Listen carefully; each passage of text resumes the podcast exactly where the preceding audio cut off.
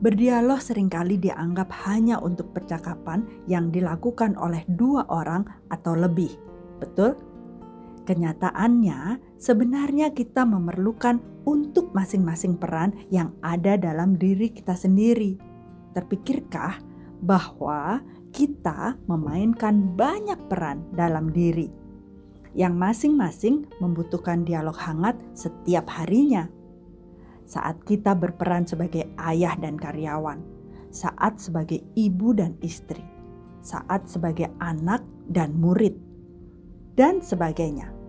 Berdialog adalah cara yang paling efektif untuk meredakan amarah, memotivasi diri, menyiapkan diri menjalani warna hidup ini, menghilangkan resahnya kelam, memberi ketenangan pikir dan hati.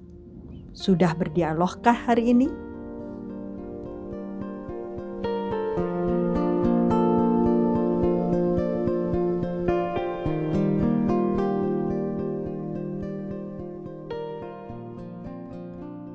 Saya Oktorina Basusyanti.